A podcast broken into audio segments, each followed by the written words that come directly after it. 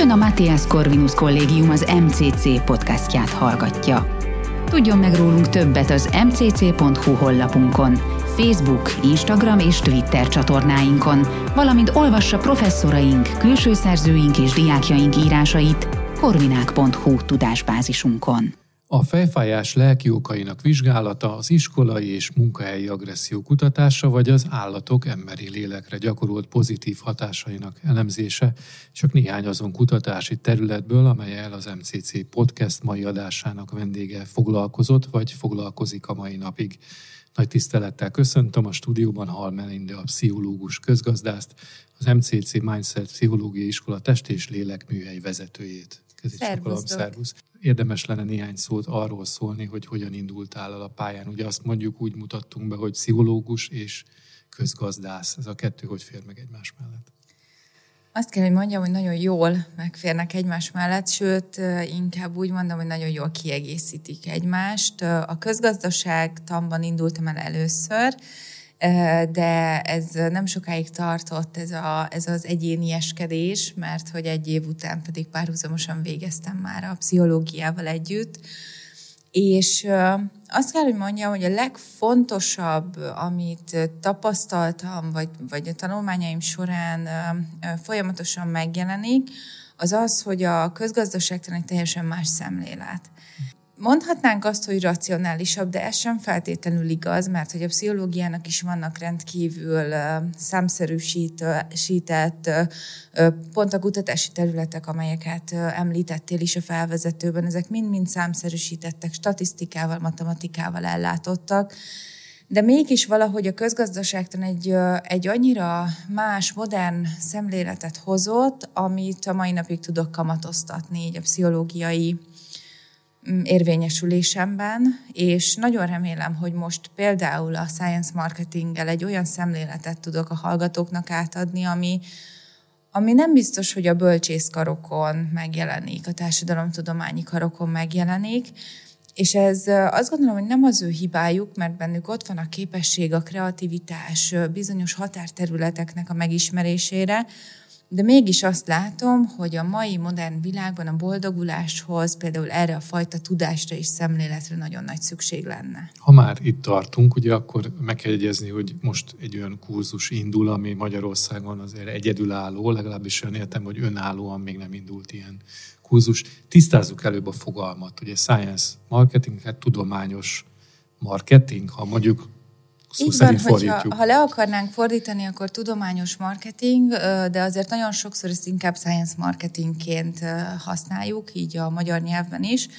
Ez többek között azért is van így, mert Magyarországon eddig önálló kurzusként vagy külön tanulmányokként nem jelent meg. Egyetlen egyetemen sem láthatunk ilyen kurzust, de természetesen nem mondhatjuk azt, hogy egyedülálló a gyakorlatban, hiszen azért sok területen alkalmazzák, és akár a pszichológia területéről, akár inkább a közgazdaságtan területéről nagyon sok olyan szakember speciálisan képződik ezen a területen, például gyógyszercégeknél, környezet tudatos vállalatoknál, vagy egyáltalán a a környezet védelemmel foglalkozó technológiák, megújuló energiaforrások esetén. Nagyon sok olyan szakember van, aki képzi magát ezen a területen, tehát azt nem mondhatjuk, hogy science marketinges nincsen az országban. Inkább azt mondhatjuk, hogy külön specifikus képzés erre vonatkozóan nem nagyon indult el. Remélem, hogy ez lehet egy olyan átfogó képzés, ami például a bölcsésztudományok, a, a társadalomtudományok területén hasznosítható, mert hogy nekem a, a, azért egy nagyon fontos küldetésem, azt gondolom, hogy a pszichológus hallgatók sikeresek lehessenek a későbbiekben, és úgy látom, hogy ez például elengedhetetlen lenne. Itt mi megpróbáljuk egészen a hallgatókat onnan oktatni és nevelni, hogy egyrészt a tudományt meg kell érteni. Tehát nagyon-nagyon fontos az, hogy itt szakembereket képzünk arra, hogy a tudományt megfelelően tudják akár kommunikálni is én egy kicsit azt szeretném megvalósítani, hogy ez egy általánosabban elérhető képzési rendszer legyen, hogy tényleg, hogyha egy tudós lép arra a pályára, hogy itt nem feltétlenül csak a saját eredményeit vagy akár csak a saját eredményeit is szeretné promózni. Gondolhatunk mondjuk egy startup kialakítására, ami nagyon komoly tudományos eredményeket tud felmutatni, vagy gondolhatunk egy, egy összeállt formációra, amiben mondjuk egy rendelő megnyitása, amiben akár új technológiák is szerepet kapnak, hogy ott mennyire fontos lenne az, hogy ne csak mi értsük egymás között a tudomány nyelvét, hanem bizony akár egy befektetői csoport is megértse a mi céljainkat, ezt hithűen, tehát magához a tudományhoz hűen tudjuk kommunikálni, tehát természetes lesz az, hogy igazából a tudományos marketing egy sokkal szűkebb körben tud csak működni, hiszen sokkal komolyabb jogi és etikai szabályozása van, mint egy tágabb spektrumú marketingnek. Úgyhogy én nagyon remélem, hogy szépen lassan fel tud ez a kurzus annyira épülni, hogy bármilyen területről jönnek is a hallgatók, képesek lesznek átadni az ő tudásukat, vagy akár másoknak a tudását, és igazából lesznek olyan konkrétan science marketinges szakemberek, akiket ki tudunk képezni, akik a tudomány bármely területén megállják a helyüket. Sokat beszélünk arról is, hogy nem elég manapság már, hogy valakinek legyen egy jó ötlete, hanem, hanem azért az végig kell vinni. Itt miben, mennyiben segített ebben a folyamatban a science marketing? Azt hiszem, hogy ez a legfőbb, ebben tud segíteni. Én nagyon sok olyan hallgatóval találkoztam korábban is, akik eszméletlenül jól tudták a pszichológiát, de még mindig nem elég ahhoz, hogy valóban kitűnjön, és akár önállóan megálljon a piacon. Ehhez nagyon sok minden kell. Kell egy jó ötlet, és reméljük, hogy a kreativitásuk is megvan, és nagyon sok hallgatónak megvan, ezt bizton állíthatom, de még mindig nem biztos, hogy ez elég ahhoz, hogy ez egy piacképes ötlet legyen, ott nem szabad visszariadni a számoktól, muszáj számolni, hogyha pedig tőkére van szükség, akkor azt muszáj valahogyan megszerezni, muszáj egy kicsit talán beletanulni a pályázatírásba, és természetesen a menedzsmentbe, és abba a marketing szemléletbe, amivel tudunk egy kis tőkét kovácsolni egy-egy jó ötlet mögé. Én nagyon sérelmeztem sokáig azt, hogy azt látom, hogy a bölcsész vagy társadalomtudományok egy kicsit kijebb kerülnek a, a, akár egy ilyen innovációs versenyen, akár egy, egy startupoknak. Mert ott főleg műszaki területről. Főleg műszaki és technológia és, és informatikai területek azok, amik általában élen járnak. Pedig ezeknek a területeknek rendkívül sok pszichológiai vonzata van. Most, hogyha én pont a pszichológiára igyekszem itt leszűkíteni a dolgokat, hogy érthető legyen mindenki számára, de hát valóban arról van szó, hogy nem kell, hogy kizáródjunk ezekből, igenis lehet ebben is nagyot alkotni, és innovatív szemlélettel hozzáállni, vagy akár összeállni más tudományterületekkel, de ezt csak és kizárólag akkor tudjuk megtenni, hogyha értjük egymást. Hát szinte mindennek van ma már pszichológiai vagy lelki vonzata, ugye ezt mondhatjuk? Pontosan. Ezért is tetszett meg leginkább ez a pálya? Maga a pszichológia alapvetően nekem azért tetszett meg, mert nálunk ez egy kicsit ilyen családi dolog, hiszen az én édesapám, ő pszichiáter. És, és azért én ismertem ezt a világot, és amellett viszont az orvosi része akkor még kevésbé foglalkoztatott, és ez egy ilyen nagyon érdekes dolog, hogy minden, amit én alapvetően nem akartam, az lettem. Úgyhogy pszichoszomatikával foglalkozom éppen a, a testi betegségeknek a lelki hátterével, illetve a lelki betegségek testi tüneteivel.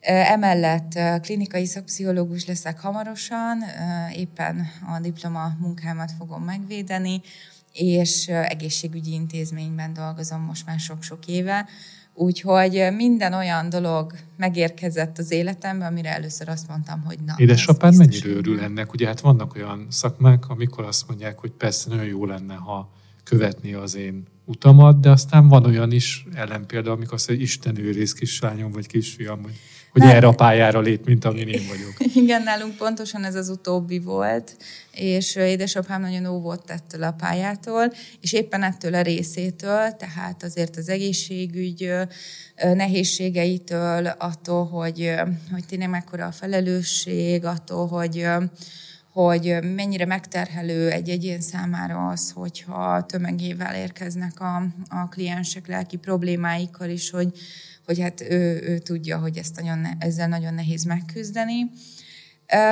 És akkor, amikor megbeszéltük, akkor alapvetően az lett a kompromisszum, hogy én majd szervezet és munkapszichológus leszek, de aztán, ahogy teltek, múltak az évek, megérkeztek kutatások, és, és elindultam egy-egy irányba, akkor ő azt mondta, hogy úgy látja, hogy jó döntést hoztam, és, és ez egy jó pálya. Hát akkor megbarátkozott most már ezzel a gondolattal, hiszen látja a sikereidet, látja a jó eredményeidet. Így, így van, és ráadásul tevékenyen részt vesz bennük, tehát azért itt sok minden, így például a fejfájás kutatás, ez a az ő ötletén alapszik, és én továbbfejlesztettem azt az ötletet, és behoztunk modernebb, újabb eszközöket, amelyekkel mérünk, és ma már azt mondhatjuk, hogy egy új protokoll van kialakulóban. Ezzel és ha már beszéltünk hogy édesapádról, akkor azért édesanyádról is szóljunk. Néhány szót, ő meg pedagógus, ha jól tudom, és te foglalkozol a pedagógusokkal is, vagy úgy általában az iskolai oktatással, neveléssel. Így van, ebben főként az iskolai agresszió az, amin elindultunk, és ebben, ebben pedig ő is tevékenyen bekapcsolódott, hiszen sokan nevetnek ezen a, ezen a cikken, de, de van egy közös cikkünk, ahol a szerzők hal, hal, hal és nyúl. Úgyhogy a, a kolléganőm pedig Nyúl Boglárka, aki akkoriban részt vett ennek a cikknek a kialakításában, az iskolai agressziót mérjük fel, mert hogy ez pedig édesanyám ötlete nyomán érkezett meg, hogy ez mekkora probléma, illetve néhány évvel ezelőtt még Magyarországon nem is feltétlenül voltak annyira jó mérőeszközök ezzel kapcsolatban, és mint az általában nálunk lenni szokott, szépen a kutatásaink összekapcsolódtak, és kiderült, hogy azért a, az agresszió lecsapódása, az például az áldozatok esetében nagyon gyak- gyakran fejfájás formájában érkezik meg. Hát ebben azt gondolom, hogy nem is kell nagyon szétnéznünk, hanem akinek van mondjuk serdülőkorú gyermeke, azt talán átélte, hogy akár egy dolgozat miatt fáj az ember feje, akár tényleg a fáradtság, kimerültség miatt, vagy akár egy bántalmazás áll a háttérben, és nagyon gyorsan a leggyakoribb panaszként érkezik meg a fájdalom. Most ez irányba indult el ez a, ez a kutatás, és egyre több olyan eredményünk van, ami azt támasztja alá, hogy bizony a fejfájásoknak a legnagyobb része pszichés eredetű. Fejfájás ellen lehet-e küzdeni azon túl, hogy vannak bizonyos gyógyszerek, vagy vannak bizonyos praktikák, de hogyha nagy részük lelki okokra vezethető vissza, akkor egyáltalán mi a módszer? Most nem árulok el nagy kulisszatitkot, hogyha azt mondom, hogy bizony a lelki gyökereket érdemes megkeresni, hogyha valakinek erre van türelme, ideje, energiája, akkor me, úgy néz ki, hogy meg, meg is tudjuk találni őket. Most azt mondhatom, hogy az elmúlt öt évben rendkívül sok fejfájós klienssel dolgoztam, és hát ugye a kutatásunk meg még tömegeket vonz be, és folyamatosan halad előre. És azt kell, hogy mondjuk, hogy van néhány olyan személyiség tényező, amelyek bizony jobban jellemzőek mondjuk a migrére, a tenziós típusú fejfájásra, vagy akár a klaszter fejfájásra. Most emeljük csak ki a migrént és a tenziós típusú fejfájást, egy nagyon jó példa, ami általában leírja egy migrénes személy működését, Általában azt mondhatjuk, hogy perfekcionistábbak, maximalistábbak, éppen azért rendkívül sokat dolgoznak, mellette jó lenne ugyanolyan tökéletes anyának lenni, és ugyanolyan tökéletes munkavállalónak. Ezek a kettősségek több stresszt fognak hozni, és nem arról van szó, hogy az ő stresszel való megküzdésük rosszabb, hanem arról, hogy valóban és objektíven több stressz éri őket életük során, illetve ezekben a bizonyos migrénes időszakokban. Tehát érdekes, hogyha erre hatunk a pszichoterápia módszereivel, mi egy kombinált protokollt alakítottunk ki tehát arról van szó, hogy itt kognitív stratégia is van benne, relaxáltatni is, relaxáltatjuk is a klienseket, és megtanítjuk őket ennek a relaxációnak a megfelelő, jó idejű használatára. Ez egy nagyon-nagyon fontos pontja ennek a, a terápiának, és mellette az analitikusan, dinamikusan nyugvó alapokat is, tehát magukat, azokat a háttér konfliktusokat, amiből egy perfekcionizmus mondjuk kialakult, tudjuk kezelni és valahogyan kordában tartani. Tehát én azt gondolom, hogy ha ezekre tudunk fókuszálni, akkor igenis tudunk nagyon hatékony eredményeket elérni. Azt kell, hogy mondjam, hogy az elmúlt néhány évben valóban olyan hatékony maga így ez a kombinált módszer, hogy az alapszichoterápiánál rövidebbé vált, mert hogy a személyiség és a temperamentum dimenziókra próbálunk hatni rögtön az elejétől fogva, és akár a 20 migrén per hó, 20 migrénes nagyon durva rohammal küzdő krónikus betegeket ilyen havi két-három alkalomra tudtuk csökkenteni, ami azért látjuk, hogy óriási életminőség javulást tud eredményezni, hiszen tud valaki járni dolgozni. Ha már ugye a stresszről beszéltünk, akkor van egy olyan kutatásotok is, ami azt próbálja bizonyítani, hogy az állatok azok nagyon kedvező hatással vannak, legalábbis lelkileg mindenképpen az emberekre, tehát ránk. Ez tényleg így gondolná is az ember egyébként, de ez tudományosan is lehet bizonyítani? Valóban vannak már erre tudományos bizonyítékok, és mi sem a, a teljesen új kutatási területen indultunk el, de azért vannak újdonságok ebben a, a saját kutatásunkban. Azt már bizonyították számos országban, többek között Amerikában természetesen, de Európában is a, a nagyobb országokban, hogy az, aki állatot tart, az valahogy kiegyensúlyozottabb, mintha a lelki béke az jobban megszállná ezeket az embereket. De mi valójában arra voltunk kíváncsiak, hogy pontosan miért. Miért van az, hogy ezek, ezek az emberek úgy tűnik, hogy kicsit több pozitív érzelemmel rendelkeznek, ami hát tudjuk, hogy akár a pszichoneuroimmunológiai hatása miatt rendkívül fontos a pozitív érzelem, hiszen akár véd szomatikus megbetegedésektől, tehát nagyon messzire tudunk elmenni ebben a kérdésben, hogy miért is jó akkor állatot tartani.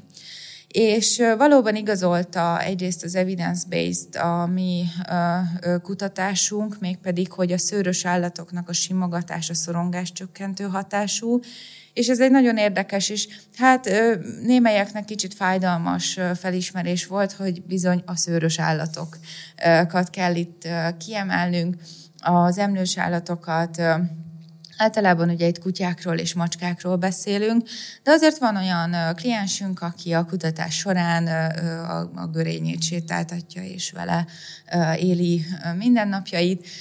Természetesen ez is lehet egy, egy nagyon pozitív dolog. Szintén egy nagyon fontos eredményünk volt az, hogy nem csak a a szőrös állatok, illetve maga a simogatás, az, ami szorongás csökkentő, hanem az állattal végzett aktivitás sokkal jobb hatású, mintha egyedül megyünk el futni. Tehát ez egy ilyen nagyon érdekes összevetés volt, hogy, hogy itt nagyon sokan sportosak, tényleg önállóan is, fitnessterembe járnak, meg stb., de állatot valami miatt nem tart, többek között azért is, mert mondjuk allergiás valamilyen állatnak a szőrére, és azt találtuk, hogy, hogy bizony, aki lóval sportol, vagy kutyával egilitizik, vagy, vagy egyáltalán csak, hogy tényleg a napjában akár egy ilyen két-három órás hosszú séta be van iktatva az állattal, az jobb életminőséget tudott magáénak, mint az, aki önállóan sportol, és mint az, aki természetesen nem sportol sehogy. Beszéljünk a következő nagy területről, iskolai, munkahelyi agresszió, zaklatás, talán, talán ez a jobb kifejezés? Így van, a bullyingot igazából zaklatásnak, erőszaknak fordíthatjuk, azért is már megint csak egy olyan fogalomról van szó, aminek nincsen nagyon konkrét magyar megfelelője, és a bullyingnak számos formája, például az iskolai zaklatás, vagy a munkahelyi zaklatás, vagy az egyéb, például szexuális vagy nemi séget És ide sorolhatunk mondjuk a netes zaklatás is? Természetesen ezt cyberbullyingnak hívjuk. Egyrészt egy óriási problémát jelent az, hogy nehéz megbecsülni a statisztikát. Ki az, aki valóban áldozat? Mikor tekintjük áldozatnak. Hogyha engem kérdeznek a klinikai praxisban, akkor én pszichoterápiában mindenkinek a szubjektív élményvilágát szoktam hangsúlyozni, tehát volt olyan kliensem, akinek az esett rosszul, hogy beleköptek a szendvicsébe, volt, volt olyan kliensem, akinek, aki pedig azt élte meg zaklatásnak, hogy, hogy konkrétan megverték. Tehát nyilván nem, nem lehetünk ebben objektívek. Mindenkinek az a, az a sértő, az a bántó, ami, ami számára az. Az már másik kérdés, hogy ez a jogi úton hova terelődik, vagy meddig tud menni. Ma vannak olyan statisztikák, amelyek azt mondják, hogy minden második magyar gyerek évente legalább egyszer elszenved bullying eseményt. Ez nem feltétlenül rendszeres esemény, de azért ebből, hogyha még van jó pár, amelyik rendszeres, akkor azért láthatjuk. Ezt hogy kell elképzelni a gyakorlatban? Mi történik? Um, kigáncsolja egyik a másikat, teletömi hóval a száját. Most próbálok olyanokat mondani, amelyeket valóban kliensek mondtak, és, és személy szerint tudom. Lefogják négyen, és teletömik hóval a száját, amíg már majdnem megfullad. Volt olyan, aki, akinek a, a, a végbelébe toltak fel valamilyen botot, vagy egyéb... Azért ezek elég brutális dolgok így eső ezek, alásra. Ezek nagyon brutálisak, és még csak a fizikai részről beszéltünk. A lelki az legalább ennyire kemény lehet, vagy még én keményebb azt, is? Én azt gondolom, hogy van, amikor keményebb, van, amikor pedig legalább ennyire durva dolgok játszódnak le, például lefotózzák egymást a, az iskolában, a WC-be befotóznak, mondjuk félmeztelen képet készítenek, majd ezt követően felteszik az internetre. Természetesen ezeknek mind-mind jogi következményei is vannak, és egyre inkább edukáltak a fiatalok abban, hogy, hogy ezeket nem kell hagyni. De most ugye itt arról van szó, amikor gyerekek, vagy hasonló egymást. korúak egymást Így van, így van. Most próbál, próbálok arra. Gyerek így van, próbálok arra fókuszálni, de láttam olyat is, ami szintén nagyon kellemetlen volt, amikor egyszerűen rámontíroztak egy, egy pornóképre két fiúnak a, a fejét, és hát ott látszódott a szexuális aktus, és utána ez keringett az interneten. És le, látni lehet, hogy ez szerkesztett kép, látni lehet, hogy esetleg viccnek szánták, de nem vicces az áldozatok számára. Mennyire maradandó pedig... az? Lelki sérülés egy ilyen esetben? Széles a spektrum, hogy kinél milyen, de azért azt mondhatjuk, hogy itt nagyon sokan szenvednek el maradandó traumát. Maradandó akkor évekig, esetleg évekig, évtizedekig, évtizedekig, így van, és akkor itt még nem beszéltünk az akár tényleg szexuális jellegű bántalmazásokról, ami tényleg a fogdosástól egészen a, a megerőszakolásig akár terjed. Azokról a bulikról, amikor módosult tudatállapotban történnek bizonyos dolgok, és valaki esetleg nem is tud róla, hogy lefotózták, hogy, hogy akár megerőszakolták, stb. stb. Úgyhogy nagyon nehéz, és ezeket mind igazából a kortárs csak egymás ellen követik el. Természetesen rendkívül sok olyan esetről tudunk, amikor egy idősebb személy egy fiatalkorúval létesít mondjuk egy cyber kapcsolatot, és valójában sajnos elég sok az olyan eset, amikor a fiatal nem tudja, hogy a vonal végén nem egy hozzá hasonló korú, akár eltérő nemű személy ül, hanem ugye a teljes anonimitásban és a, a teljes nem is tudom, manipulációban akár pornóképek kezdenek el közöttük keringeni. Hát ezek már egy kicsit azért teszem egy másik kategóriába, mert nyilván itt már egy jog rendőrségi eszközökkel lép fel, és, és én ott általában abban segítem a klienseket, hogy bírják a procedúrát, ami, ami előreláthatóan évekig el fog húzódni. Tehát fel kell őket készíteni arra, hogy mi vár rájuk. Egyrészt általában nagyon hosszú egy-egy ilyen kihallgatás, tehát amikor a, a, e, eleve már oda került a döntés, hogy akkor rendőrségi feljelentés lesz a vége. Ezt követően indulnak a kihallgatások, és ezek, ezek nagyon kemények. Nyilvánvalóan azért, hogy a, a rendőr is tudja, hogy itt valóban mi történt meg, és mi nem. Hogy, hogy ne lehessen senkit rágalmazni, stb. stb. Ezt követően érkeznek a nyomozati szakaszok, és, és ezek akár el is húzódhatnak.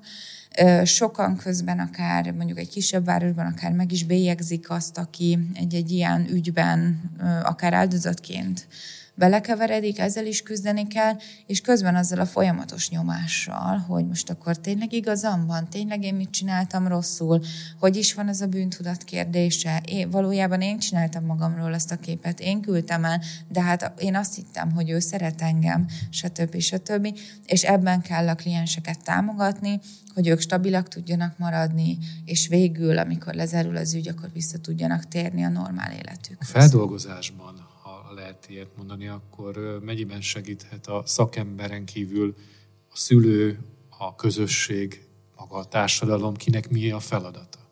Én úgy látom, hogy ez egy egységes feladat, tehát itt a szakember egy része ennek a, ennek a tortának, és akkor lesz ez igazán ünnepélyes és, és megfelelő, és akkor tudunk visszatérni a normál kerékvágásba, hogyha mindenki, mindenki tud ebben segíteni. Is sok mindenről beszélgettünk. Ezek a témák egyébként itt az MCC-n belül, a pszichológiai iskolában mennyire vetődnek fel, mennyire beszélgettek róluk a gyerekekkel, vagy a diákokkal, inkább most már az őket diákoknak nevezünk, ne gyerekeknek. Ugye? Mindenképp ők, ők, én azt hiszem, hogy felelős felnőttek, és nagyon fontos, hogy ők lesznek a magyar értelmiség, és annak is egy nagyon fontos rétege lesz, lesznek ők. Változó. Van, aki azt igényli, hogy személyesen beszéljünk erről, és én azt mindig külön meg szoktam köszönni, mert nagyon jó ötletek. Hát és... úgy személyesen, hogy csak veled Így mondjuk, van, így van. Tehát ö, tényleg ö, le tudunk ülni, és egy-egy problémát át tudunk beszélni. Tehát ő ezt nem szeretné mondjuk a többiekkel megosztani. Van, aki nem szeretné, vagy, vagy még annyira formálódik ez a vélemény, hogy emiatt nem szeretné, de van olyan is, aki teljesen más gondol erről a kérdésről, mint én, és tiszteletből nem szeretné ott a többiek előtt ezt megbeszélni. Én azoknak mindig nagyon meg szoktam köszönni, bármennyire is egyetértünk vagy sem egy-egy kérdésben, de én azt hiszem, hogy ezeken az egyéni alkalmakon, és, és ebben nyugodtan mondhatom, hogy bárki kereshet engem, nem csak a pszichológia iskola diákjai, hiszen volt már arra is példa, hogy más iskolában kerestek meg egy-egy kutatási téma kapcsán például, és akkor én ott elmondtam ennek az árnyoldalait és, a, és az előnyeit is. Szóval azt gondolom, hogy itt nagyon szépen át tudjuk járni a kérdéseket. Az órákon szintén vannak olyan mm, fordulatok, amikor és én el is várom általában, hogy a véleményüket nyugodtan közöljék. Mm, például tanítok politikai pszichológiát, ami szintén egy ilyen elég nehéz terület, mert mindenki azt gondolja, hogy itt valamilyen pártpreferenciál fog hangozni, de nem fog. Teljesen általánosan tanítom ezt a tantárgyat, de nekem semmi problémám azzal, hogyha egy hallgatónak van valamilyen preferenciája. Olyankor azt szoktam kérni, hogy úgy próbáljuk közvetíteni a véleményünket, hogy közben másokat ne sértsünk meg, tehát nyilván az alapvető véleményszabadság az viszont teljes mértékben él, és borzasztóan jókat szoktunk vitázni, és kultúrált vitát folytatunk, ami azt hiszem, hogy egy nagyon-nagyon fontos erény. Téged mi érdekel a jövőben majd? Ugye számos kutatási területről beszéltünk, mit várhatunk tőled, vagy fogalmazzak inkább úgy, hogy mit vársz magadtól? Magamtól mit is várok? Először is a, a szakképzésem befejezését, amihez ugye most a, a védésem és a, hát egy, egy védő ö, ö, dolgozat csatlakozik, amely már leadásra került, úgyhogy tényleg azt mondhatom, hogy itt vagyok a végén. És hát én idén fejezem be a doktori képzésemet is, úgyhogy ott is egy védés vár rám. Számos publikációt lehet majd a nevem mellett látni nemzetközi szinten. Legfőképp most a fejfájásra koncentrálok, de mindemellett igyekszem olyan technológiai újításokban benne lenni, és erre az MCC nagyon jó lehetőséget ad, amit a fejfájás kezelésben fogunk tudni használni. Úgyhogy még az is lehet, hogy hamarosan érkeznek olyan újítások és innovációk, amelyekben az én nevem, nevem is ott lehet vagy akár szabadalmak az MCC részéről, de mindenképpen pszichológiai témában, és leginkább a fájdalom az, ami most az első. Főként a, a doktori védés miatt Hát emellett van néhány álmom, ilyen például, hogy most már évek óta írok egy pszichoszakács könyvet. Ez egy ilyen érdekesség, mert hogy úgy érzem, hogy a táplálkozással sok mentális betegség megelőzhető lenne, vagy ha eddig nem is megyünk el, de egy kiegyensúlyozottabb élet felé tudnánk elmenni. És hát majdnem készen van ez a, ez a szakácskönyv, tényleg a végső formáját kellene felvenni. Ehhez szerencsére kaptam, vagy szereztem olyan támogatót, aki, aki nagyon szívesen be is mutatja majd látványkonyhával ezeket a, Ezek az ételeket. egészséges ételek, de egy kicsit más megközelítésből, mint általában a többi szakácskönyv, hiszen mindegyikben lassan egészséges Így van, van ezek, ezek azt mondhatjuk, hogy ilyen nagyon tudományos ételek. Tehát olyan alapanyagokat használunk fel, amelyek például bizonyítottan szorongáscsökkentő hatásúak, vagy hangulatjavító hatásúak, vagy éppen a demencia és koncentráció kérdésében jótékonyak, és akár a megelőzésben, akár tényleg a teljesítményfokozásban tudjuk ezeket használni. Egy viccesen szokták mondani a hallgatók, hogy ó, ők tudják a megoldást, egy táblacsoki az mindenre gyógyír. Igen, de valójában a hosszú távú hatása nem lesz annyira jó. Úgyhogy igyekszünk olyan ételeket, amik azért ízletesek is, kinézetben is megállják a helyüket, és mégis tudományos háttere van annak, hogy hogy, hogy tudják akár a hangulatunkat egy kicsit javítani, akár tényleg egy vizsgahelyzetben, nem mindegy mondjuk, hogy az ember mit teszik 30 napon keresztül, amíg tart a vizsgaidőszak. Tehát, hogyha lehet, hogy akkor egy kicsit tudunk segíteni a hallgatóknak is a teljesítményhelyzetekben. Na hát, ha megjelenik ez a könyv, mindenképpen várunk ismét az MCC Podcast műsorába, addig pedig további sikereket kívánunk, szép nyarat még, ami ugye hátra van ebből az időszakból, és sok sikert kívánunk. Nagyon szépen köszönöm, és jó pihenést nektek is még a nyárra. Köszönjük szépen. Kedves hallgatóink, Hal Melinda közgazdás pszichológussal, az MCC Test és Lélekműhely vezetőjével beszélgettünk. Köszönjük szépen a figyelmüket, viszont hallásra. Köszönjük, hogy meghallgatta ezt az MCC podcast epizódot. További híreinket és tartalmainkat megtalálhatja az mcc.hu honlapon, valamint Facebook, Instagram és Twitter csatornáinkon. Professzoraink, külső szerzőink és diákjaink írásaiért keresse fel korvinák.hu tudásbázisunkat.